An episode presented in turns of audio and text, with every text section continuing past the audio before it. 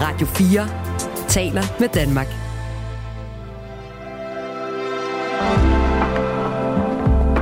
Velkommen til det sidste måltid.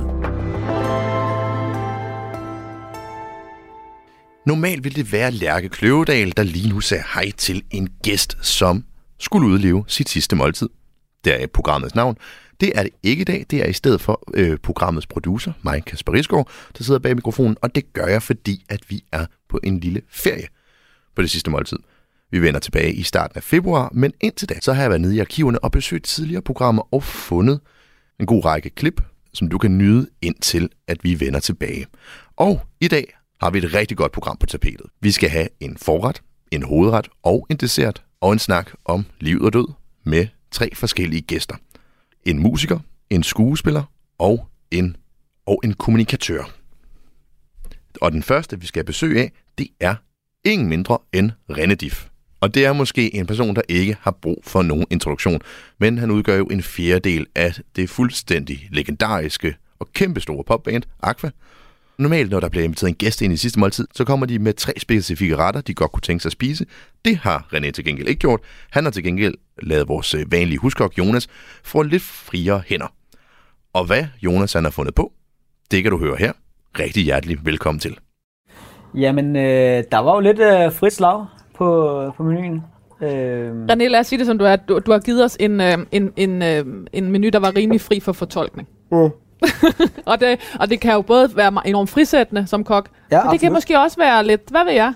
ja, men man vil jo skal gerne tilfredsstille. Ja, Så, så når det spænder bredt, så ved man jo ikke helt, hvor, hvad retning man skal tage det. Og jeg kan godt at blive man- overrasket, jeg Så må, så må man gå med, hvad man selv synes. Ja, præcis. Det gjort. modtaget. Øh, normalt er det jo sådan, at så er det sådan gerne lidt forret, hovedret og dessert, og så er der nogen, der siger, jeg er ikke dessertmand, så jeg skal have to forretter eller et eller andet.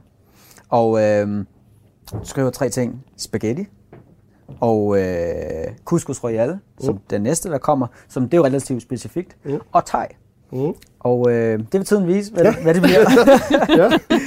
øh, det kan blive Yes. mange ting. I hvert fald spaghetti. Modtaget, ja. Øh, jeg ved, du er lidt fagmand, ligesom jeg er. Jeg er selv uddannet kok. Lige præcis.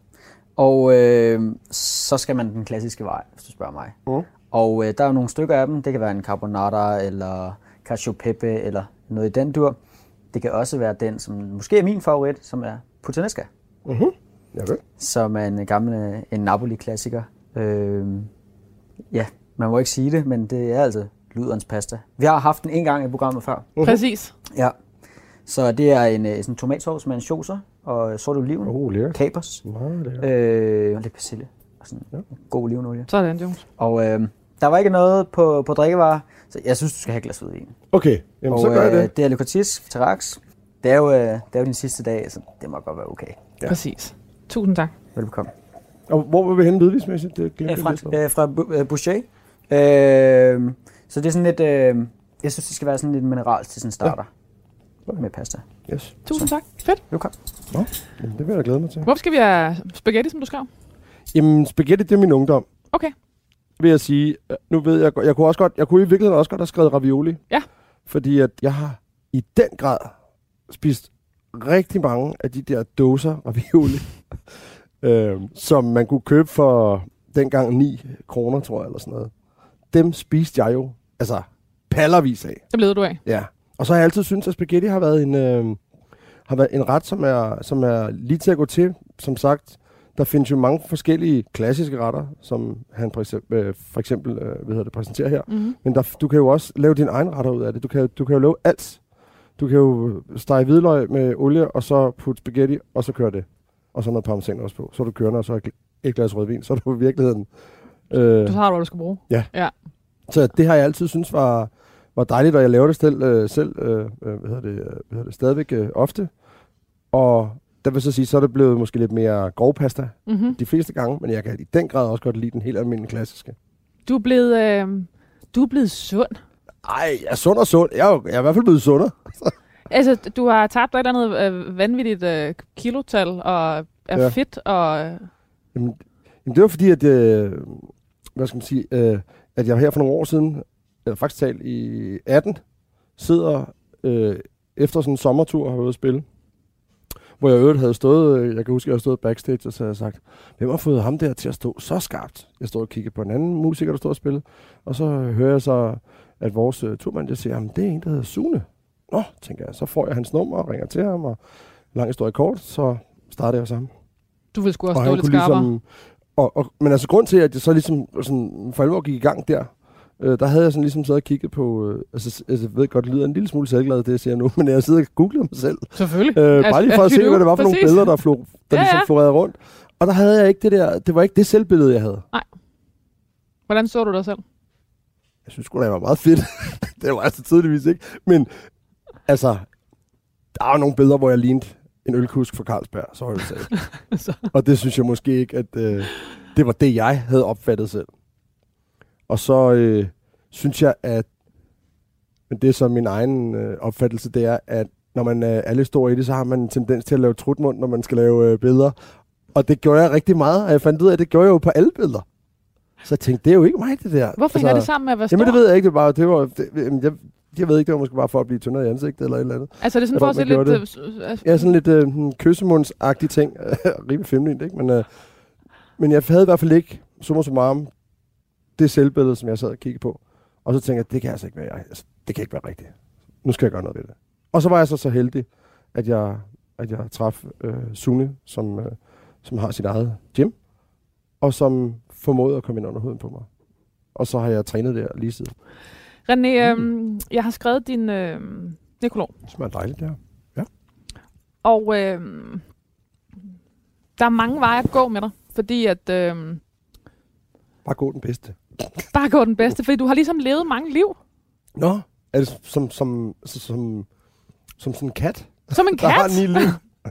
Jamen, du, øh, der var også noget med, at du, øh, at du fik, I har fået enormt stor succes øh, enormt tidligt. Og altså, der, der, der vil være mange sådan, sådan nedslagspunkter. Men t- jeg er bare gået med den, med den øh, nemmeste. Jamen skyd. Aquas brummende forsanger René Diff er død. Ja, kunne godt være. Mm. Hvordan vil du selv gerne have det ned? Jo, det er jo rigtigt. Det er rigtigt. Det er faktuelt. Det er. Eller forhåbentlig ikke, men du ved. Ja, Ja, nej, jeg ja. forstår, hvad du mener. Der, I har slået en masse rekorder. Det kan man også få Ja. med. Forsangeren for Danmarks bedst sælgende popband er død. Det kunne også være. René Diff stod sammen med Aqua døren ind til øh, verdensherredømmet. Hvad vil jeg sige? Er det? Okay, snart væk. Nå ja. okay, der skal jeg alligevel skrue ned, synes jeg. Nå ja. Nu giver jeg dig nogle ord. Modsat. Musiker. Ja. Yes. DJ. Medlem af Danmarks bedst sælgende band Aqua. Mm. Forfatter. Mm. I en periode René Dip. Ja. Kok. Mm. Coach. Ja. Du, du er blevet co- coach for nogle år siden. Ja, øh, jeg, jeg fik afsluttet min øh, eksamen. Altså sådan en master i life coaching. Hvorfor ville du være coach? Det var virkelig, fordi jeg troede, jeg kunne bruge det på mig selv. Mm. Men det kan man ikke, tror jeg. Kan man jeg ikke? Ved, og nogen kan måske godt. Jeg kunne ikke. Men jeg, jeg, jeg, jeg, jeg, er blevet, jeg er blevet bedre til det. Jeg skal være ærlig indrømme i starten, der tænkte jeg, nu skal jeg bare bruge det på mig selv. Og, og, sådan, og så vil jeg også øh, hvad hedder det, hjælpe, hjælpe hvad hedder det, andre inden for min egen branche. Øh, med ligesom at få dem lidt mere ud over rampen, eller hvis det var helt nye, som gerne vil ud og sådan. Og så lavede jeg noget, der hed Entertainment Coaching dengang. Men der var ikke så mange kunder. Jeg okay. ved ikke, om det var, fordi de var bange for, hvad der ville ske. Øh, Og på, det, og på det tidspunkt, hvor jeg først fik en almindelig uddannelse som, øh, som coach, så, så tror jeg, at de fleste folk troede, det var sådan noget hokus pokus i virkeligheden. Selvom det var meget stort i udlandet. Øh, René Diffs René Diff blev mejslet ind i musikhistorien som det rappende medlem af popgruppen Aqua, der med 33 millioner solgte albums. Er det det rigtige? øh? Jeg tror, det er s- 4, 35 eller 36 eller sådan noget. Og vi snakker altså ikke Det er bare plader, tror jeg. downloads. Vi snakker folk, der er gået hen og købt Mm. et album. Ja. På den måde skal man Eller huske tiden. en plade. Ja, ja, ja. Præcis. Men er tiden Ja. ja. på den måde, altså det var, jo, det var en lidt mere konkret ting at gå ned og købe et album, end det er i dag, hvor man bare, Ja, ja. du ved, Ja, fordi nu kan du tage en af sangene. præcis, Så kunne du ikke dengang, så skulle du købe hele plade. præcis. Eller single. Men i hvert fald, så lad os sige 35 millioner, øh, mil- millioner solgte albums, var Danmarks all-time bedst sælgende gruppe. Wow. Det er jo helt, det er helt, det er jo... Det er crazy. Det er stadig crazy for mig den dag i dag. Er det det? Ja, ja. Det synes jeg. Det synes jeg virkelig. Jeg synes, det er crazy i den forstand også, at som du selv lige nævner, det er jo ret, det er, altså, det er, jo, det er mange CD'er. Er Det er vildt mange CD'er. Og nu sælger du 0 CD'er. Ja. hvis du er heldig, så har de måske sådan en årlig CD-messe, eller plademesse, eller Record Days, er der også nogen, der har, hvor man kan købe plader og sådan noget, ikke? Men det er jo, det er jo ikke der, hvor du sælger. Der står her, med Barbie Girl skabte Aqua en af 90'ernes mest ikoniske, øh, et af, en af, et af øh, 90'ernes mest ikoniske numre. Det, var, det er stadig Barbie Girl, der er det største nummer, ikke? Jo. Ja. Med tykkegummi æstetik, kitschet og ikoniske videoer og ekstreme sceneshows skabte Aqua et univers, der kom til at definere 90'erne og som fik dansk musik på verdenskortet. Jeg, har- jeg har simpelthen læst, at det kan godt være, at, at du øh, hverken, at hverken kan bede eller afkræfte det, men at Cartoon, Cartoon Heroes var den 8. dyreste video nogensinde. Altså, når man kigger på de der lister, så Bla- Michael Jacksons Black or White ligger lige over 3,5 millioner dollars. Jeg tror, øh, det tror jeg faktisk er rigtigt. Øh, den blev optaget i udlandet, og så tror jeg, at de omregnede så, hvad det ville have kostet, hvis man lavede den i Danmark. Og så er vi deroppe omkring. Okay, Og det tog, jeg tror, vi var der en uge eller sådan noget. Men det var også bare for ligesom at sige, hvad det var for en, en, et niveau, I var på. Altså Ja. ja. i forhold til musikvideoer, og bare, hvem, hvor mange Mhm. penge, der blev postet i det. Og I ligger ligesom, der er Madonna og Michael Jackson, og, og, så, og, og så ligger I, ikke, som øhm, i forhold til, ja. Ja, hvad, altså, hvad der blev brugt af penge på jer, øh, og, og hvor stor en øh, Ja, succes Jamen, der var. var, det, var, det var store budgetter, man kørte med.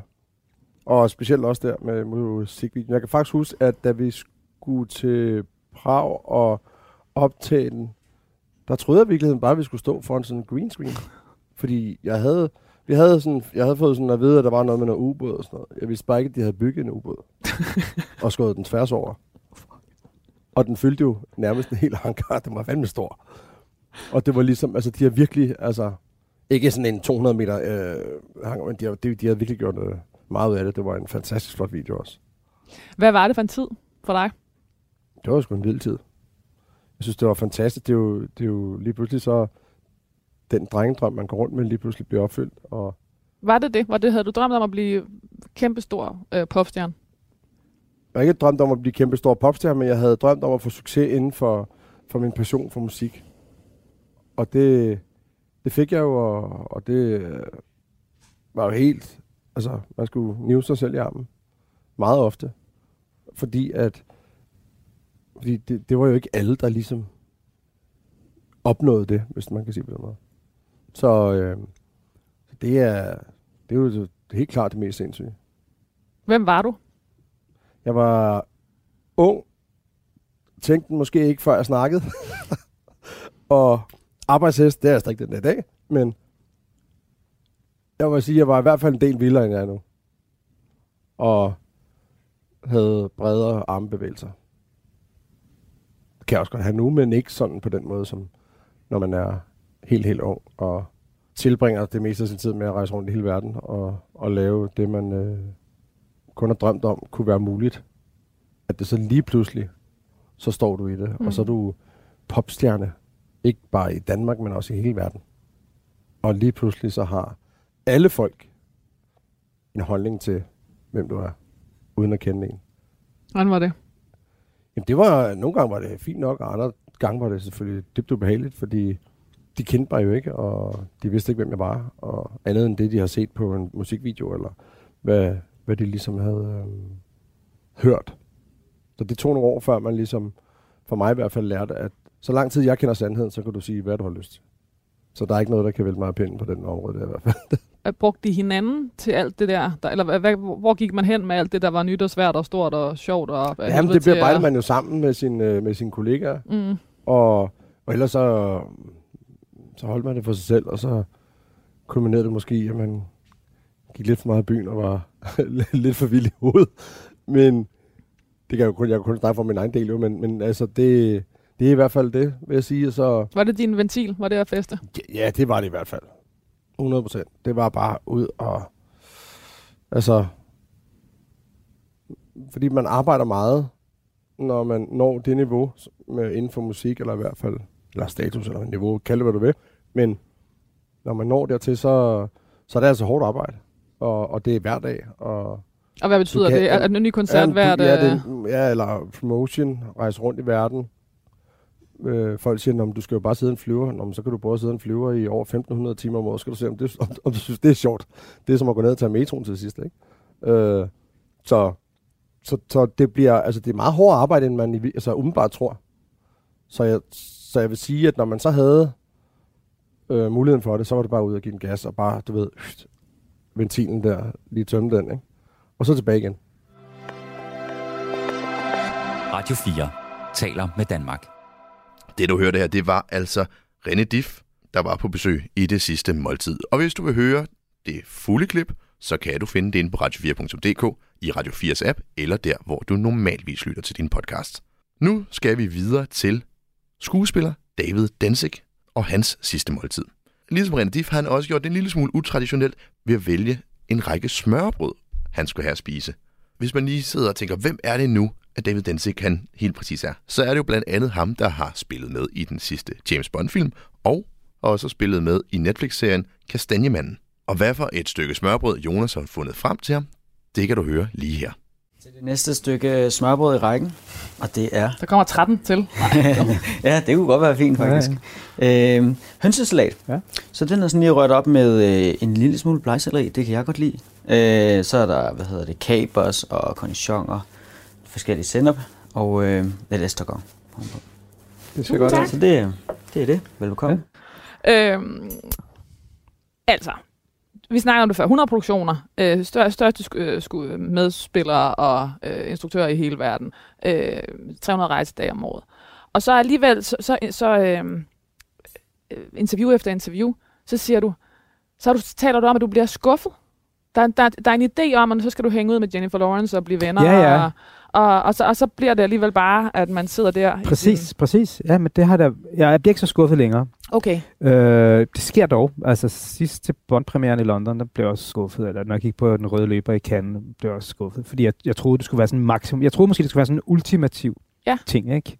Altså øh, historien, der skulle overgå alle historier.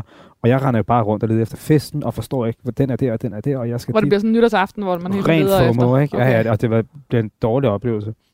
Der bliver ikke en dårlig, men det blev i hvert fald ikke alt det, jeg havde håbet på. Ikke? Øhm, Fordi hvad har du håbet på? Der Ja, det- det er jo ikke- hvad, er det, altså- hvad er det ideelle? Altså, hvad, hvad er det ideelle filmsæt, eller den, det ideelle premiere, eller ultimativ, for nu at blive den, i dit hoved? Men jeg synes, det alle sammen, det, alle sammen har været ideelle, men, men jeg, jeg, altså jeg kan virkelig godt lide øhm, skuespillere, og kan godt lide at være sammen med skuespillere, øh, og nogle gange kan man meget træt af at være sammen med skuespillere, men det er jo lidt øh, det, jeg er, ikke? Og, og de referencer, den måde, vi ser på mennesker, den måde, vi ser på verden, øh, der er nok noget uniformt. Øhm, jamen, jeg ved ikke, øh, at der er en venskaber. Øhm, jeg, har det, jeg har det ikke rigtig sådan længere øh, med nogle af de her mennesker, og se, hvad det kan føre med sig, og, og se, hvordan de kan... Øh, de inspirerer mig jo mange gange, øh, og kvæs ting, jeg har set, altså set dem i og sådan noget der. Men nu, nu, nu jager jeg det slet ikke så meget længere. Jeg er ikke så skuffet. Øhm, det kan jeg faktisk ikke mærke. Altså, Og jager du det ikke længere, fordi du ved, du bliver skuffet, eller jager du det ikke længere, fordi du selv synes, du har en anden position? Mm, Fordi jeg slet ikke ville kunne leve med, altså hvis, hvis jeg skulle have Johnny Depp til middag, altså det, hvordan skulle det se ud? Øh, eller hvis det ligesom, hvis jeg, Nå, det virker ligesom lidt anstrengende øh, på en eller anden måde. Jeg, skal blive, jeg vil nok blive nervøs. Jeg tænker, hvad skal jeg så lave? Og vi må hellere rydde op, eller skal vi male den væk? Altså, jeg ved, jeg vil nok blive lidt befippet. Øhm, Jeg, blev, jeg, jeg læste blandt andet et interview, du, øh, du gav øh, i forbindelse med den film, der hedder Tinker Tailor, Soldier Spy, eller Da- Damekonge Espion, ja. som er en af mine egne yndlingsfilm. Og øh, blev selvfølgelig helt øh, ulykkelig, da jeg læste, at, at det havde været en dårlig oplevelse for dig. Har jeg sagt det? Det har du sagt. Du har sagt, at du sad sammen med alle de store stjerner, Colin Firth og Tom Hardy, og hvem ellers var med, og, og, og, ikke, øh, og, og, og hver eneste gang du sagde noget, så synes du, øh, så synes du det lød flat og dumt. Gud. Og nu kan jeg, kan jeg desværre ikke lige finde citatet for jer. Det, Nej, det, det lyder slet ikke. Altså, sådan var det. Sådan har jeg det overhovedet ikke. Jeg synes, det var ret fedt. Jeg skal nu med at prøve at eje det, jeg har sagt, men, men øh, det kan jo også være, at din, i, i, din altså, du ved, bare fordi du nu er tilfældigvis er blevet citeret for noget, så kan dit uh, billede jo godt ændre sig. ja, ja. noget, man synes lige bagefter var et eller andet, og så tænker man, så går der nogle år, så tænker man på det på en anden måde, eller kender du det? Jamen, jeg, jeg, måske var det privat, når, altså, når vi skulle lancere film, og vi skulle sidde til bords og sådan noget der, at jeg ikke rigtig kunne slappe af, eller der ville jeg også blive venner med dem, og jeg tænkte, de skal komme og besøge mig i sommerhuset, eller vi skal ud og se noget fodbold, eller lave øh, ud og spille tennis og sådan noget der. Den, på den måde, og der kunne jeg nok have været dårlig, øh, blevet stivbenet og akavet og drukket for meget og sådan noget der. Øh, på sæt, foran kamera, der befandt jeg mig godt, synes jeg. der. Jeg synes også, jeg kom fint ud af det med den rolle. Og med de mennesker. Øhm, øh, men jeg kunne måske godt gå med til, at jeg har sagt det, når det gælder den, min private person efterfølgende. Hvor ligger hele øh, The Bond Experience i, i, i, i, i, god og dårlig oplevelse, på dårlig og, og, og god oplevelseskalaen? Jamen, jeg bliver bedre og bedre til det, og det ligger, ligger på en super god oplevelse. Øhm, Du boede i LA på det tidspunkt, eller boede du efter, var det efterfølgende, du efterfølgende, til LA? at, ja, da Bond øh, var færdig, så tænkte vi, at det var den med børnenes alder, og med hvor vi var henne i livet, så tænkte vi, "Nå, så lad os tage et forløb derovre. Og Bond skulle så komme ud. Det gjorde den jo aldrig. Så Men vi, for det gjorde den ikke på grund af corona, nej, og præcis. blev rykket i, hvad var det, tre eller fire omgang? Ja, præcis. Men, øh, men vi var taget afsted i december, og den skulle have premiere i marts, tror jeg, eller april. Hvad gjorde øh, opholdet der ved dig, eller ved jer? Hvad var, det, hvad, hvad var tanken med det, Det og var hvad, no- hvad blev Jamen det? altså, øh, min hustru skulle, hun læste på UCLA, og tog en, over, sådan en, hvad hedder sådan en kandidatuddannelse i forskellige ting. Øh, og det var det, der gjorde, at vi kunne være der. Jeg kunne ikke få noget arbejdsvisum. Jeg havde ikke noget arbejde. Jeg, skulle, jeg havde pakket min smoking og skulle gå til den der bondpremiere og håbe, at det muligt skulle kaste noget af sig. Den blev så aldrig pakket ud. Men det, den gjorde ved mig og ved, den, ved hele verden, eller i hvert fald den, min del af verden, at så var vi jo låst inde, eller det var lockdown. Vi kunne godt gå ud og sådan der. Men vi så ikke så mange mennesker. Øhm, børnenes øh, børnehave lukkede, øh, strandene lukkede, nationalparkerne lukkede. Alting blev mærkeligt, ikke? Og amerikanerne rendte bare rundt og købte øh, våben og toiletpapir. Det gjorde man vel også her. Men jeg ved ikke, hvor mange våben man købte. et mænd, færre våben. Færre våben, Flere ja. mundbind. Øh, så det var, den gjorde, så det, det var et helt andet forløb, men med, med en helt andet fortegn at være så meget sammen med min familie. I forhold til de der 100 titler, du nævnte før, at så lige pludselig stå og lave ingenting i, i 14 måneder, som det løb for mit vedkommende. Det var jo det, det kom til at handle om mm. for mig. Hvordan var det? Det var svært. Altså, det var fint nok. Det var rigtig mange ting, der var rigtig fint ved det. Men, men nu har jeg lidt sådan igen, jeg skulle have lavet den her Leonora ud på DR, som så ikke er blevet til noget. Så nu har jeg igen et halvt år, hvor jeg ikke rigtig Den store så- øh, DR-satsning, som blev Præcis. øh, lukket ned for par måneder siden. Ja, og jeg har virkelig været igennem et langt for- halvandet år, hvor jeg ikke har lavet særlig meget. Nu, nu øh, skal jeg til det igen, og jeg tænker med mig selv, hvad Altså, jeg laver, når jeg spiller skuespil, så er det det, jeg gør. Og alt, hvad der hø- det er til høre, at læse manus, og gå til møder og prøve og sådan der. Og rejse. Men når jeg ikke gør det, altså, jeg ved ikke rigtig, hvad jeg skal stille op med mig selv. Mm. Mm, og jeg tænker, at jeg må finde på noget at lave. Altså, jeg ved ikke, hvad fanden det skal være. I Ja. hjemmet. Er du blevet ramt af den samme, du ved, det store, den store eksistentialisme, øh, eller hvad hedder det, du ved, det store, øh, det store sorte hul, det store eksistentielle hul, som mange andre blev ramt af i forbindelse med øh, corona, Det tror jeg. som hedder, hvad fanden skal jeg egentlig bruge dem? Hvem er jeg, og Hvem- hvad skal jeg bruge mit Hvem er til? jeg, hvad skal jeg bruge min tilværelse Ja, til? Jamen, altså det må jeg sige, hvis, det, jeg har vidst ikke, at det var et hul, men jeg er i hvert fald blevet ramt af, altså ligesom lige fået mig selv i hovedet på en eller anden måde. Med mine egne styrker og med mine egne begrænsninger. Øh, og så sent som i går gik jeg bare rundt om mig selv og tænkte, jeg spiller noget netskak, og det gik jeg helvede til. Og det føles heller ikke sundt. Altså det, når jeg savner, helt klart, øh, Og så også fordi du jo på godt og ondt har, vidderligt har hele verden som din arbejdsplads. Mm. Ja, det, det er mærkeligt at finde, altså at finde en balance i det der, og at finde ro i det der. Og især øh, efter jeg blev forældre, men også selv før der. Det vil jeg sige er den helt store udfordring for mig. Og jeg tror muligvis, det er det for rigtig mange mennesker. Altså balancen mellem arbejdslivet og familielivet. Øhm, men den, øh, den finder aldrig et leje rigtigt. Den balance, føler jeg. Den tipper altid eller for meget i en, en retning. Fordi du kommer til at fordybe dig for, for, Ja, fordi kalender, kalender bliver sådan. Nu Ja. ja. lige nu tipper den rigtig meget ind i familielivet, og så Mhm. kan det være, at øh, når vi er færdige her, der ligger en sms eller et opkald om det et er simpelthen sådan, dit arbejdsliv er. At, en, at, at, at der hele tiden kan være et eller andet. Nærmest Ja. fra dag til dag. Præcis, projekterne kommer jo Ja. ud fra blå, men, men så kan det være, at vi starter til januar, eller starter til Mm. marts, eller et eller andet. Men øh, så, er det, så snart, at der bliver lukket en aftale omkring noget, så er der en anden ro, der lægger sig. Mm. Så ved man, at okay, så har vi syv uger her sammen, før jeg skal til at pakke en stor kuffert, og vi kunne ses i weekenderne, eller jeg kommer hjem en gang. Eller sådan. Ja, det er sådan, det ser ud.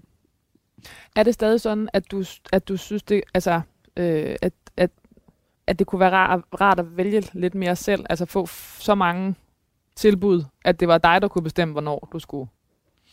Ja, det har Er- jeg er der noget med formuleret. Ja, det er der noget med. Øh, men der, der føler jeg, at jeg, jeg er der ikke helt endnu, men, men øhm, jeg er i hvert fald rigtig, blevet rigtig god til at sige nej til ting, og siger det meget mere nu, og når jeg så siger ja, så er det også et meget nemmere ja. Øhm, øhm, Hva- Hvad har, er, er, er det mængden af succes, mængden af roller, der gør, at du er roligere i, i de valg? Jamen, det, jamen der, er fordi, jeg, jeg, der kommer faktisk nogle jobs indimellem, jeg gerne vil lave. Øhm, ikke altid dem, jeg havde håbet på, men så kommer der noget andet, der minder lidt om det og sådan noget der. Øhm, og så længe de bliver ved med at komme, altså især på engelsk, kan jeg sige, så er det ligesom, så er det nemmere at sige nej til noget, som jeg muligvis har sagt ja til for 10 år siden. David Densig var, hvad man kalder en karakterskuespiller. Ovenikøbet i købet øh, en af Europas bedste, hvis man skulle tro en filmskribent fra det amerikanske blad Variety. Hans evne til at finde noget skævt, ubehageligt, nervepirrende, komisk, ægte, var hans levebrød. Og det var en færdighed, han havde forfinet lige siden barndommen. Det der var skrevet i Euroman. Mm. Carl David Sebastian Densig blev født i Stockholm i 1974 øh, af svenske jødiske forældre. Hans far, Lars Densig, var professor i psykologi, og hans mor, Kerstin Alroth, var filmhistoriker. Var begge svenske? Men min mor er død, men min far er ikke død endnu. Nej. Men det kan være, at de dør samtidig. Øh, nej, men, øh, I og med, at det render der altid noget lidt der med datiden med, men Ja. Han er... Øh, hvad var de spørgsmål? det, det, var det, det var, om de begge to var danskere. Begge to er svenskere. Begge to var svenskere. Ja, yes, yes. Præcis. Hans storebror var, er instruktør, filmklipper og forfatter øh, Daniel Densig. Familien flyttede til Valby i øh, 1976, og drengene gik på den jødiske privatskole Karolinskolen. Øh, Hvorfor flyttede I til Danmark? Jamen, det var jo lidt som vores flyt til LA. Altså, Ja. det var bare, det, det kunne de, der var... Um, mine forældre var vel, ja, de var vel 35, eller 40 eller. Og min mor arbejdede på et BRU-afdeling, som startede op ude på Danmarks Radio, og var med til at lave noget af det første børnetv. Og min far startede på RUK, Roskilde Universitetscenter, som også startede op på det. De kom fra Lund, hvor de havde været akademikere, så jeg tror, de havde været i København, og det var, et, det var tilgængeligt, det var en mulighed. Jeg tror ikke, der var så mange andre tanker forbundet med det. Det kunne også have været et andet land, øh, tror jeg. Er der noget som helst i det jødiske danske miljø, som ligesom var attraktivt, eller er det en øh, historie, Og det jeg kom putter senere. På? Det kom senere, Ja, nej, det var der ikke. Det var ved Gud ikke derfor. Nej. Nej, overhovedet ikke. Øhm, og det var de jobmuligheder, tror jeg. Progressive arbejdspladser, som passede de to akademikere. Øhm, og jeg tror, det var spændende. Altså lidt som den udlægning, som Mhm. jeg selv har nævnt, det er spændende at komme et andet sted hen, spændende at bo og, og prøve noget nyt. Gode arbejdsvilkår, tror jeg, det havde. Hvad var det for en... Øh, altså, jeg, jeg er lidt forvirret over, hvor meget det jødiske øh, fylder og har fyldt. Eller, jeg- eller ikke forvirret, ja. jeg var ikke klar over det. Nej. Er det en stor del af din identitet? Ja, men det er helt klart noget, som jeg mm, skal man sige, kæmper meget mere med end min svenske identitet, som ligesom er ret latent, som jo bare er der. Også fordi langt hen ad vejen er det jo bare et sprog. Men det er også øh, en, et udsyn og, og en, et tilhørsforhold til Sverige selvfølgelig. Men det jødiske er det langt mere kompliceret, for det er noget, der skal arbejdes meget mere på, føler jeg. Hvordan jeg det? skal, jamen altså, hvis ikke jeg... Nu er jeg i gang med at købe Chanukka-gaver og sådan noget der til børn. Hvis ikke vi holder øh, Shabbat om, om fredagen, eller hvis ikke vi ligesom og siger alle de her med ting på hebraisk, øh, så er der ligesom ikke rigtig noget tilbage. Eller det er der måske, men jeg har i hvert fald ikke fundet ud af, hvordan jeg så skal formidle det. Så det er bundet op på nogle, nogle, lidt, nogle religiøse øh, ritualer, som jeg har svære og svære ved at forlige mig med. Fordi al religiøsitet efterhånden klinger falsk i mine ører. Eller, jeg kan simpelthen ikke mærke det. Hvor troende var øh, i, i din barndom? Altså, hvor meget fyldte det? Jeg tror, ingen har været troende på noget Nej, tidspunkt. Okay. Øh, Men I blev alligevel sat på øh, jødisk? Karolinsk- ja, ja. Karolinskolen. Og det er sådan, det er. Man kan også gå på en, mine børn går på en øh, kristen øh, friskole, Okay. men der er jo ikke, jeg tror ikke, de for andre forældre er særlig troende der heller. Det er jo bare en måde, altså det er en meget fin skole, den jødiske skole, øh, og det er friskolen sådan set også. Øhm, man får jo bare ret lukket, øh, det er ret sikker, øh, øh, tryg skoletid. Er du, øh, er du identitetsforvirret? Ja, helt klart. Men det synes jeg, det er muligvis noget grundlæggende ret jødisk at være det. For det tror jeg rigtig mange har været, øh, danske fremtrædende jøder, øh, gennem alle årene, i forhold til, at man møder partnere, som ikke er jødiske. Er, det, er Øh. din hustru... Øh, Hun er ikke jødisk. Hun er ikke jøde, nej. Det har ikke været vigtigt nok Nej. for mig. Øhm, så jo, øh, ident- helt klart identitets, eller identitetsfleksibel, vil jeg også hellere sige. Godt Øhm, begreb. Ja, Altså is- især dit, uh, dit uh, job taget i betragtning. ja, ja det ligger- går meget godt hånd i hånd. Så det kan jo ret være, det kan jo være et ret grundlæggende jødisk øh, udsyn, det Men at også, være øhm, i evig dialog med sin, sin arv. Men der er også, altså at det der med fleksible er i virkeligheden er jo et skide godt ord i forhold til øh, at være forvirret eller i, i krise. Altså for der er også noget med den der øh, ønske om, eller lethed ved, og, og jeg ved godt, det, det, det er meget, det, det bliver lidt tykt, når jeg også skal tage dit fag ind over, fordi det er jo dit job, og du skal ja. op ind og ud af forskellige identiteter, men også den der, øh, jeg ved ikke, om jeg skal kalde det multikulturelle, men i hvert fald den der åbenhed omkring at, at rejse og tage din familie med. Ja, Øhm, øh, øh, jeg kan jo se en masse vidunderlige frisættende ting ved det, men jeg kan også se en, øh, hvis, hvis jeg prøver at forestille mig, hvordan øh, øh, en enorm forvirring, eller en enorm øh, mangel på forankring, eller øh, at, øh, ja, men der er helt klart noget rodløst, tror jeg. Øh, en mangel på fang. Jamen, altså, og det vil jeg vel lige sige i forhold til kajs eller hønsesalat. Altså, det er jo også en følelse af, at jeg er lidt på besøg. mm. Altså, det er jo ikke min Mhm. mad, øh, føler jeg. Øh, og det ville det heller ikke være, hvis jeg skulle bestille noget stærkt jødisk, øh, øh, eller, eller svensk for den sags skyld. Altså, det er jo hele tiden følelsen af, at når man nu vil her, og her spiser man kajsild og hønsesal, og det er sgu meget spændende, og det smager fint. Men der er aldrig noget, som ligesom som er så forankret nej, i mig. Øh, det er helt klart følelsen af at se på alting udefra. Øh, Se på, se på alting som, at når sådan gør de, eller sådan gør man her. Øhm, og det er sgu ikke, fordi jeg tænker mig selv som, som jødisk, men, men det er sådan, jeg har det. Øh, at, altså, når vi, jeg synes, det er lige morsomt hver gang, vi skal op. Min kone har en gammel farfar på 96, hvor man synger sådan nogle øh, lejlighedssange. Altså, det synes jeg er noget af det vildeste, der findes. Eller vi var til et bryllup, hvor, man også hvor der var nogen, der havde skrevet en sangtekst til brudeparret. Eller jeg ved ikke, hvor, ja, det var også hvorfor, er det, øh, hvorfor er det vildt? Jamen, det jeg aldrig støtte på andre steder end i Danmark. Ja, det gør man jo i Danmark. Mm-hmm. Det synes man er mm-hmm. sjovt. Men det er jo en ret syre ting at gøre.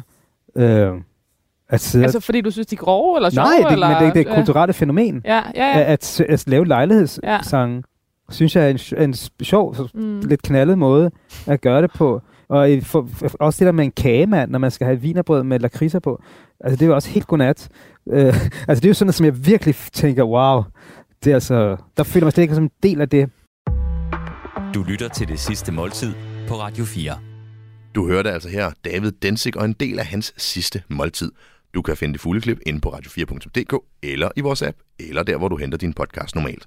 Hvis du bare søger efter det sidste måltid. Og således så er vi også kommet til den sidste gæst i dag. Det er kommunikatør Christine Feldhaus. Du kender hende måske blandt andet fra Kender du typen? Og inden vi når til hendes dessert, så kommer vi ind på en del af samtalen, der har drejet sig ind på hendes tidligere liv i reklamebranchen som jeg skulle hilse at sige, ikke lyder til at være en dans på roser. Men det synes jeg næsten bare selv, hun skal have lov til at fortælle. Og hvordan det lyder, det kan du høre her. Jeg kan sige til dig, at jeg er blevet fornedret i reklamebranchen. Jeg kan sige til dig, at det tog mig 10 år mere at blive direktør i reklamebranchen, end, det, end det ville have taget en tilsvarende øh, velbegavet 8-tals gennemsnitsmand at blive det, jeg blev. Det kan jeg sige. Så, så er jeg blevet, er jeg blevet øh, defavoriseret? Ja. Er jeg blevet forskelsbehandlet? Ja.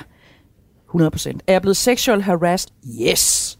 Er jeg blevet grænseoverskrevet seksuelt af kunder? Yes. Altså jeg kan sætte checkmark ved det hele. Det jeg bare tidligt besluttede mig for, det var, at øh, min far har lært mig, at øh, du skal ikke finde dig i noget. Hvordan du øh, tager hævn, det må du selv om, men du skal ikke finde dig i noget. Så det jeg har gjort tit, når jeg ikke kunne komme igennem med almindelig øh, høvisk tale og øh, altså et almindeligt argument for noget, det er, at jeg har straffet. Og Hvordan? Den, for eksempel ved at rejse fra dem. Øh, forstået på den måde, at jeg var dygtig til det, jeg lavede. Og den måde, jeg fandt ud af, at jeg kunne straffe aller værst på, det var at sige, at jeg siger mit job op. Og så vidste jeg, at de var på røven, når jeg skrev. Og det, det er grimt sagt, men det var de. Det kan jeg love dig for, det var. Det har jeg gjort mange gange. Og det er min pointe der. I stedet for at gå sådan og, og, og, og, og bruge nogle knep, som ikke rigtig ligger til mig, så har jeg det bare sådan, der hedder, okay, jeg er ikke længere tilfreds med duften i bæret. Jeg er ude. Jeg har også haft nogle mærkelige måder, og øhm, hvis jeg for eksempel har haft samarbejdsvanskeligheder med nogen, så har jeg gjort nogle mærkelige ting. Jeg har for eksempel øh, klippet telefonledning over hos en chef, som jeg ikke synes opførte sig ordentligt over for mig. Øh, så kunne han jo ikke ringe ind til mig og bede mig om at komme ind på kontoret, så jeg klippede den simpelthen bare over med en saks. Jeg har presset en gammel ost ned i en relevator, eller en, øh, hvad hedder den, radiator, og skruet op på 5, for ligesom at markere, at det samarbejde, vi har kørende lige nu, det er ikke særlig fedt. Og når de der mennesker så kommer ind på kontoret næste dag, så stinker der virkelig dårligt, hvis du tager en gammel ule og knaller ned i en radiator og skruer op på fem. Jeg har monteret øh, røget sild under en cykelsædel på en kreativ direktør, som jeg synes var skide arrogant. Og så er jeg rejst, når jeg synes, at de ikke opførte sig ordentligt. Så det er jo ikke fordi, jeg ikke har været... Jeg har set til dig, at jeg har været udsat for nogle vilde ting. Virkelig vilde ting, der slår meget af det, du hører om i medierne lige nu. Men jeg har altid lært af min far, at du skal ikke finde dig i noget. Du skal vende dig om og kæmpe imod. Og hvis ikke du kan få hul igennem, og der er nogen, der hedder høre på, hvad du siger, så må du handle dig ud af det. Og det siger jeg ikke, at alle kan. Jeg siger ikke, at alle har den mulighed. Jeg siger ikke, at alle er lige så stærke på det område. Men det er den måde, jeg har klaret mig igennem på. Og jeg gør det stadigvæk. Og hvordan, og hvor, altså fordi det er jo, det er jo meget konkret, det er jo sådan et uh, hoved, hoved, tand for tand-agtigt, og Ja. så, kan det, så har det måske været mere udspekuleret, end de havde overhovedet haft fantasi. Vidste de godt, det var der, der gjorde de ting? Det fandt jeg jo ud af på et tidspunkt, men okay. ikke i starten. Nej, men, øh, men og det kan jeg forstå, det der var en forløsning i, haha, der stank inde på det kontor. Og så, og du ved, det er jo også en dejlig historie at fortælle. Altså, altså om ikke andet, Fed så- altså, det, er jo, det er jo sjovt. Men den virkede også, fordi folk bliver lidt rystet, når man, når man virkelig gør. Altså sådan noget som at klippe en telefonledning over og komme ind, og en chef så siger, hvad, øhm, jeg kan ikke tale i telefonen. Nej, så det kan jeg da godt se. Jeg kravler lige ned og ser, hvad der sker. Kom op med to ledningsender, og så sige til ham følgende ord. Jeg tror, du har fjender her på bureauet, fordi hvem fanden skulle der så klippe den telefonledning over? Har du haft konflikter med nogen? Så bliver der ro.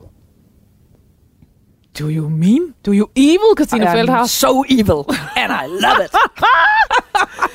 Men prøv at høre, men ja, nu spørger jeg dig så alligevel. Ja. Øhm, fordi det er en god historie, og det er sjovt, og det er hævn. Men hvor har du gået, altså, men jeg, jeg har svært ved at forestille mig, at du ikke også er blevet ked Altså, du ved, at der er et eller andet, og nu siger du til mig, at jeg kender værre, eller jeg har prøvet værre historien, du er dem, du læser om i medierne, og det siger ikke så lidt, må jeg Ja. jo så, Ja. det kan jeg da mærke, når Ja. du siger det. Ja. Øh, hvor er du så gået hen med, de, med den? Øh, Jamen altså, jeg, har, jeg, havde, øh, jeg havde et eksempel på et tidspunkt i reklamebranchen, hvor en af mine kunder mente, at han havde ret til sex med den kvindelige projektleder fra reklamebureauet, fordi det har han været vant til. At når mødet var, det var slut, simpelthen en del af kontrakten. Ja, det var ligesom, når mødet Eller var ordren. slut, så var, der, så var der booket et hotelværelse, så var der det, vi kalder, så finaliser vi her. Ikke? Og det, det, det havde jeg jo ikke lige oplevet, før da jeg blev foreslået den model. Og jeg tænkte, at det, det kan simpelthen ikke, det kan, det kan han umuligt mene. Altså, vi har lige haft et virkelig godt møde, og jeg har været velforberedt, og jeg har haft gode forslag med i tasken, og det kører. Og så fik jeg bare den der, Nå, hvor skal vi så hen, og, så, øh, og hvor skal vi så hen nu? Øh, hvor jeg tænkte, hen nu? Altså, jeg skal hjem på byrådet. Øh, og det mener han ikke. Og det, det, der, der må jeg indrømme, der gjorde jeg simpelthen bare det, jeg kørte tilbage på bureauet og sagde til min administrerende direktør, ham der, ham må du tage væk fra mig, det vil jeg ikke finde mig i. Det gider jeg simpelthen ikke. Ham, det må, der må du finde en anden, der må du finde en mand. Det, det, jeg tror ikke, han kan have en kvindelig, ung, lækker, sprød, langhåret, blåøjet, grønøjet, storbrystet blondine som projektleder. Det, det går sgu ikke. Du må finde en mand til ham der. Jeg er ude. Og så sagde jeg simpelthen fra over for det, og sagde, jeg, ham gider ikke være sammen med. Det er ikke på tippet. Men altså, og du igen, du har hele tiden handlet, det er det, jeg hører, du siger. Og det er ikke, fordi jeg skal prøve at trække, at sidde og trække en eller anden tårvedet historie ud af dig. Det er ikke det, jeg er ude på. Men jeg mener bare, man kan være nok så handlekraftig, og nok så... Ja. Men, men altså, hvis det var mig, og det, kan, det er jo et dumt eksempel, fordi du jeg er også dig. yngre. Nu siger det bare. Du er altså yngre end mig, Ja, og du, forklar mig er, det. du har heller ikke været inde. Altså, det, der har været anderledes for mig, det var, at der var meget få kvinder, der kom til tops i reklamebranchen. Ja. Der kom kun de toffe cookies op. Resten, de gik hjem og fik børn, eller kunne få... Nu, nu er jeg lidt grov, og der Ja. ja. kan være nogen, der bliver rasende på mig. Men det var ikke særlig nemt at blive topchef, eller i hvert fald tæt på toppen i reklamebranchen i 80'erne og 90'erne som kvinde fra Jylland.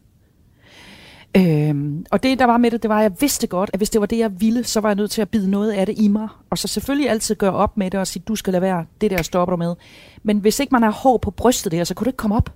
Så jeg vidste ret tidligt, at hvis jeg ville op og være direktør, og have, for at sige det rent ud, beslutningskraft og ledelsesansvar, så var jeg simpelthen nødt til at, at, at tage nogle ting. Ellers skal man lade være. Øh, på det tidspunkt. Jeg blander mig ikke i, hvordan erhvervslivet er i dag, fordi i dag er jeg selvstændig og passer min egen shop. Men dengang, hvis ikke jeg havde ligesom truffet den beslutning, så var det ikke blevet til noget. Og der var også kvinder, øh, som ikke lykkedes, og som i virkeligheden var udsat for noget, eller det vi har hørt om i medierne, hvor jeg tænker, det der, det talte vi sgu ikke nok om dengang. Og det er også der, hvor jeg synes, at det er meget fint, at vi er kommet i gang med den her debat om, hvad kan man egentlig tillade sig? Fordi vi talte ikke om det. Hvad gjorde man så? Jamen, øh, man, øh, folk trak sig. Mm. Øh, min vurdering er, at dem, der ikke kunne holde det ud, de trak sig. Øh, der var ikke en kultur, hvor man sådan sagde... Øh, altså, vi havde kundefester, hvor vi gemte os bag ved gardinerne, fordi vores kunder var så liderlige. Jeg griner, men det er jo fordi, det, det er så var sådan, det absurd. Det, jo ikke sjovt, Altså, jeg, det jo jeg kan absurd. huske, jeg havde en hel aften, hvor jeg sad bag ved et velurgardin og røg ud af vinduet, fordi vores kunder var simpelthen så liderlige, så jagtede os. Altså ikke alle, men dem, dem, de synes var lækre, dem jagtede de. Så vi sad jo nogle gange og lavede aftaler om, nu kommer den og den kunde, nu må vi gemme os bag ved et gardin. Og så holdt vi på skift øh, øje med, hvor er han henne i lokalet nu, så kan vi måske lige komme ud et øjeblik. Det var sådan, det var. Det var sindssygt. Men det var sådan, det var. Altså, der var sgu ikke nogen, der stillede stort spørgsmålstegn. Vi var slet ikke så... Derfor synes jeg også, ordet Vogue er meget godt. Vi var overhovedet ikke Vogue. Nej, og så indrettet i jer. Altså, og, Det gjorde vi. Altså, Det og, gjorde vi. Og, og, og, og, Det så, gjorde og så kan man sige, den energi, altså det kræver også sindssygt meget tid og snille og, og spidse sakse og indkøbte sild og, og indordnere. Men det var jo så det, var jo så det I, I gjorde. Ja, altså jeg tror simpelthen, at det var så meget mændenes game, hvis du forstår. Altså al topledelse var mænd. Hvis der sad en enkelt kvinde i direktionen på et af de her bemeldte reklamebureauer, så var hun one of the boys, hvis du forstår. Der var ikke noget sted at gå hen. Altså hvis du endelig synes, at det der var simpelthen vildt, så var det ikke sådan, at der sad en stor moder jord på byrådet og sagde, ved du hvad, det der vil jeg gerne tale med dig om. I, eller hvis I er udsat for et eller andet grænseoverskridende, så gå over til den og den. Altså prøv at høre, kulturen var slet ikke sådan. Det var, tag en tudekiks, tør øjnene, og hvis du vil være one of the pack, så tager du dig sammen. Og sådan var det. Og det, det, det, det er vi jo opvokset med. Altså jeg er jo opvokset i den kultur, så jeg har jo slet ikke fattet, at... Øh, altså hvad fanden? Nå jamen, det var sådan, det var.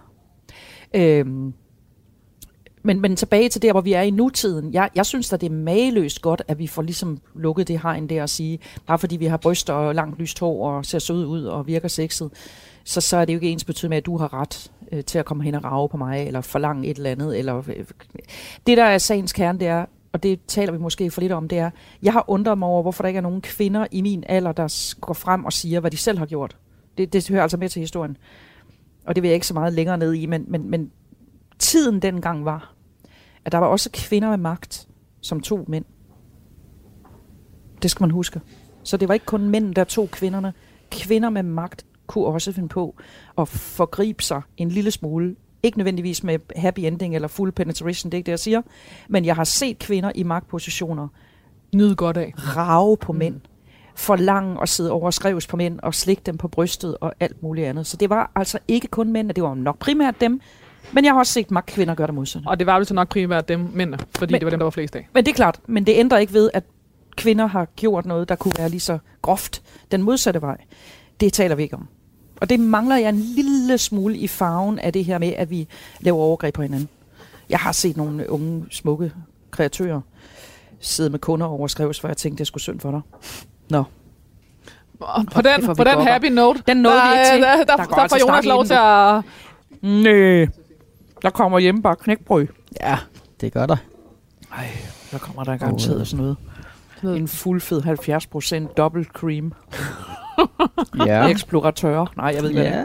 Er vi derhen af? det er meget tæt på. Er vi i nærheden af en eksploratør? 70 procent? Det der jo så er med det, det er, at ønsket var eksploratør. Nå, jamen det er fint, men den er svært. Og Oh, den har jeg ikke kunne skaffe. Det kan man ikke. Øh, der skal man nok til, til Rungis i Frankrig eller et eller andet stort marked. Og øh, det er faktisk en, som er relativt brugt øh, i det københavnske restaurationsmiljø, som hedder Briand Savarin. Mums, Philip Yep. Abba. Så det det er, det er, at det er en øh, komælk fra Frankrig, fra det samme område, som hedder, eller samme region, som hedder Ile-de-France. Og øh, nu nævnte du 70% mm. og dobbelt. Ja. øh, så hvis jeg siger... Christine, du bliver så glad af det. Nu, jeg tror faktisk normalt er eksploratør 75. Men Ja. hvis jeg så siger, det er også 75, men det er triple. Sådan der. Yes, yes, så yes, det, yes, yes. Jeg tror ikke, vi kommer tættere på. Ej, Okay, jeg, vil, fedt, jeg vil tro, uden at være verdens største ostekspert, at øh, den forskellen er, at den her har en lidt fastere øh, rind, altså Mhm. ja, Mhm. øh, det der rundt om, Ja. end, end den anden har. Ja. Den anden øh, flyder lidt, Ja. eller sådan. Men altså, jeg siger tusind tak, og øh, altså triple cream, øh, 75 procent plus plus. Det lyder helt rigtigt i mine ører. Det tænker jeg. Og øh, jeg kan godt lide med lidt honning bare Ja. til. Øh, og, og, frisk, fin. og friske finer. Det er sådan en italiensk skovhonning, så den er en lille smule mørkere, end Okay. man vil forvente. Og hvad skal vi have at drikke til? Jamen, øh, Et der glas var, var... mere måske, eller hvad Ja. tænker du? og øh, jeg tror faktisk, at øh, jeg vil gå øh, med son igen. Ja. Jeg vil gå tilbage. Ja, det er jeg meget enig i. Det synes jeg, det synes jeg vi skal. Altså altid lækkert med en hvid. Stemningsmæssigt, så kan du jo bare sige stop. Ja, det kan du tro. Jeg havde en tænkt i går, lørdag nat, tænkte jeg, jeg drikker aldrig mere, men det gør jeg allerede nu, og nu er det mandag. Tak. Jeg kom til det, der hed... Øh, I en menneskealder fortalte Christine Feldhaus danskerne, hvem vi var, og hvor jeg jo egentlig selv afbrød mig selv og sagde, "F- fortalte nej, du portrætterede faktisk danskerne. Det, Mm. det, det, det, der er mm. et eller andet måde, noget i det eftermæl, Mm. som er mere rigtigt. Mm. Hun var gennem karrieren øh, vært på en øh, lang række segmentknusende tv-produktioner. Først i en af landets største tv-succeser, kender du typen, hvor hun var livsstilsekspert i over 70 programmer. Mm. Og det var jo øvrigt også noget, du aldrig havde prøvet før, altså at Ja. lave tv. Nej, det havde jeg sgu aldrig prøvet. Du stoppede i reklamebranchen, og så øh, blev du tilbudt det. Ja, altså, jeg, jeg tror simpelthen, at det, det var sådan, at jeg havde sagt mit job op, øh, fordi jeg simpelthen havde fået nok. Var det en, var det et hævn nej? Eller en hævnopsigelse? Ja, det var det. Det var øh, den sidste hævneopsigelse i mit liv. Det var den. Og så gik der en tre uger. Jeg gik hjem. Jeg havde sparet sammen, så jeg havde råd til at forsørge mig selv et år uden job. Fordi jeg sagde op i hævn. Det er nemlig helt rigtigt. Så ringede Danmarks Radio og sagde, jeg ville gerne have dig med i Kender du typen? Øh, Så sagde jeg, men det skal I jo ikke, for I har kastet mig for to år siden, og jeg kan ikke lære at lade være med at bande, så derfor duer jeg ikke til DR. Jamen, nu mente de, at danskerne var klar til mig. Så siger jeg, hvordan er de blevet klar til mig? Det vil jeg gerne høre. Øh, Fordi jeg bander lige så meget nu, som jeg gjorde for to år siden. Der er ikke noget... Mit sprog er, som det er. Jamen, det synes de mente bare, at danskerne var klar til mig. Okay. Og så startede jeg i Kender du typen. Så jeg var, jeg var faktisk... Jeg havde sagt op i haven, og skal sad hjemme i haven og drak hvidvin. Og så blev jeg ringet op, og så startede Kender du typen. I tv-programmet Ser succesen So Fucking Special trodsede Christine Feldhaus alle tænkelige grænser. Ja, det gjorde jeg sgu. Sine egne og seernes. Ja. Og afprøvede trends til lands til vands og i luften. Det var jo faktisk, altså jeg ved godt, at altså, øhm, igen, øh, der er et mediebillede, der ændrer sig meget hurtigt på meget få år. Men det var jo fuldstændig vildt, hvad du kastede dig ud i. Ja, for satan. Altså jeg har siddet og set nogle af de gamle indslag af programmer. Mm. Altså, øh, og, og, og, og, og, og øhm, nu ved jeg ikke, om jeg har været heldig med dem, jeg så, men du har du er gået, du er sådan gået respektfuldt til alle de absurde ting, du blev kastet ud i. Ja. Om det så var fiskesæd øh, i Japan, Ja. eller øh, øh, shamanisme et dybt sted i Jylland, eller Joni, Joni-massage på Købmagergade. du gik til Joni-massage på yes. Købmarkedet. Yes. Christine Feldhaus lavede fjernsyn i øjenhøjde, men med knastør humor og en sproglighed en hel del ud over det sædvanlige. Tak. Christine Feldhaus blev født på Frederiksberg i 1962 og voksede op i Sønderborg. Hendes øh, mor var børne, børnehavelærerinde. Hendes far var kriminalbetjent. Ej, han var kriminalkommissær, det er meget vigtigt. Det skal du nok. Modtaget, det kan du tro. Fordi min far er den, øh, han er et eksempel på en mand, der uden juridisk embedseksamen har taget det til the last chapter. Så han slutter som kriminalinspektør, og det skal han krediteres for. Er du gal? Det er vigtigt. Så noget er vigtigt. Der er det der, altså, Sådan noget, det kan vi ikke... mange det, titler, det, mange titler er fuldstændig ligegyldigt. Det her, det, der, og nogle titler er virkelig Især fordi det har været quite an effort, så det må man, det må man virkelig komplimentere ham for. Sønderborg var på det tidspunkt et spændende sted for en politimand med hang til action, der Ja. bestod der i, i, i Jyllandsposten. Ja. Øh, Forrygtet sagde, at byen kom ind på en anden plads på listen over voldsbyer i Danmark. Det er rigtigt. Jyske Vestkysten Horsens var nummer 2017. et. Og der skulle I sendes til som lille familie, fordi ja. at nu skulle din far øh, få ro og orden i byen. Han var, han var jo sønderjyde. Min far er jo sønderjyde og vokset op i Sønderland. Så han havde jo et klart ønske om at komme tilbage til sin landsdel. Så han deporterede øh, Christine Feldhaus og Carsten Feldhaus, hendes bror, som heldigvis 25-årig til Sønderborg. Fordi han ville hjem til sin landsdel. Fint. Og så øhm, gjorde han, hvad han kunne. Og hvordan var det, altså var der sådan noget med at være, du ved, øh, øh, øh, øh, politibetjentens datter? Ja, for søren er tosset. Der kunne jeg, jo- det er jo en helt anden program, men ja, for satan, vi blev jo truet. Altså min bror, han var på et tidspunkt ved at blive slået ihjel af en ramme.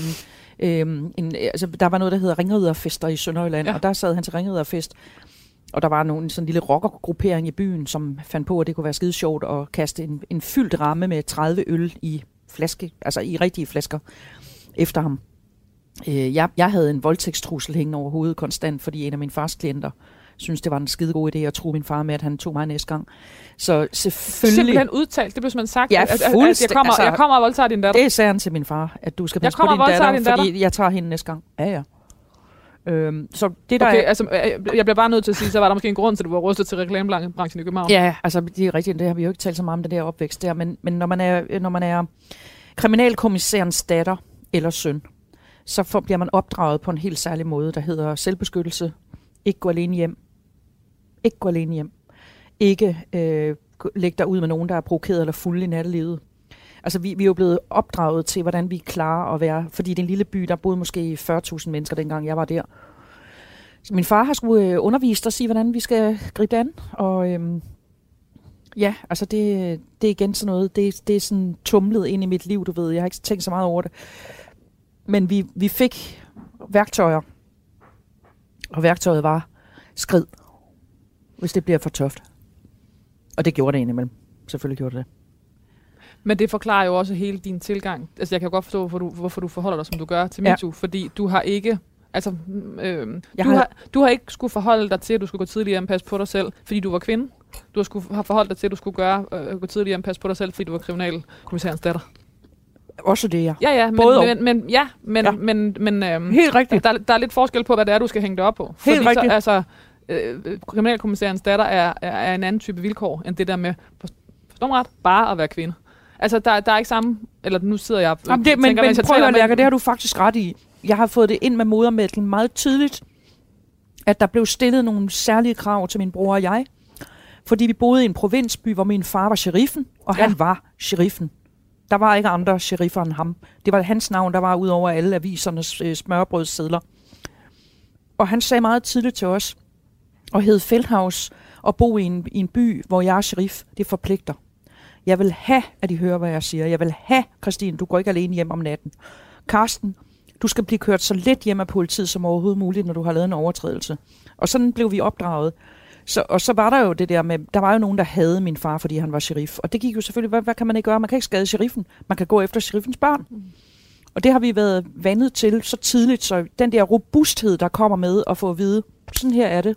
Det her er det, der kommer til at ske. Det her forlanger jeg af jer. Det gør, at jeg tror, vi har fået en robusthed meget tidligt, som jeg bare har taget med videre. Christine Feldhaus blev uddannet lægesekretær, men flyttede til København i 1985, hvilket blev begyndelsen på en lang karriere i reklamebranchen, som blandt andet kontaktchef hos, Bates og kontaktdirektør hos Young og Rubicam. Øh, siden 2004 var, hun, var Christine Feldhaus selvstændig med kommunikations- og foredragsvirksomheden Feldhaus. Og så skriver jeg senest, men det er jo løgn, for du har lavet en million, milliard, trilliard ting, men jeg nævner alligevel, senest lavede hun øh, for Gyldendal turnéen Strik og Drik, med strik-guruen, det tør jeg godt sige højt, Ja. Lærke Bakker, Ja. og, øh, og lavede derudover po- podcasten Livsnyder. Christine Feldhaus efterlader sønnen Alfred. Det er rigtigt. Æret være hendes minde. Tusind tak. Christine Feldhaus, hvad skal der stå på din gravsten? When you're gone, you're gone. Og, og på engelsk. Jamen, det er fordi, jamen, jeg, jeg, jeg har jo hørt øh, mange af dine programmer, fordi jeg elsker at være i selskab med dig og dine gæster. Og så tænker jeg, gud nej, der skal slet ikke stå noget, for jeg, jeg tænker egentlig slet ikke, jeg skal have sådan, altså egentlig vil jeg egentlig, hvis jeg skulle vælge, hvad jeg helst ville, så ville jeg bare smaskes ud over Damhussøen i en urne, du ved, fuld hammer ja. ud med den. En, der Det- kunne noget med et langkast. Ja, men det må man jo ikke, og der er meget i vejen. Men altså, det kunne man jo bare gøre en nat, hvor der ikke var nogen, der opdagede det. Og det tror jeg også, det ender med alle jer, der bliver sure over det. Vi høvler mig ud i Damhussøen klokken så sent, så jeg ikke er oppe. Hvis jeg skulle begraves, eller hans sten, så tror jeg, jeg vil, øh, så vil jeg citere en af de bedste reklamekampagner, jeg så i min tid i reklamebranchen i Cannes Reklamefilmfestival, for en bedemandsbiks, der hed, payoffen var, When you're gone, you're gone. Og så var der et tilbud på billige kister og billige bisættelse. Og det synes jeg kan noget. Så den tror jeg, jeg vil have stående. Altså, så, det, det er jo sjovt. Ja, altså, du ved. Det er ligesom co- uh, caskets 99,99. Jeg synes, der er et eller andet enormt morbidt over det på den helt vildt fede klinge. Så var du heller ikke vigtigere ven. Præcis, vi tager det gode tilbud, og Ja. så rykker vi videre. Exactly. Ja. Christine Feldhaus, tusind tak, fordi du vil være min gæst i det sidste måltid. Det er mig, der takker. Og tak for mad. Radio 4 taler med Danmark. Det var Christine Feldhaus, du her hørte i Det Sidste Måltid.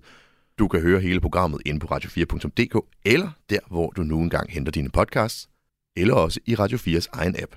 Og således så er vi også blevet færdige med programmet i dag. Det har jo været en highlight-udgave af Det Sidste Måltid, fordi at vi er på ferie og vender tilbage i starten af februar. Jeg håber, du vil gå ind og lytte til nogle af de tidligere programmer. Der ligger over 100 tidligere gæster, som alle sammen er blevet lagt i graven. I hvert fald fiktivt. Og således så vil jeg egentlig bare ønske dig en rigtig god dag. Bliv endelig hængende, fordi at der er meget mere god radio lige om et øjeblik. Tak fordi du lyttede med.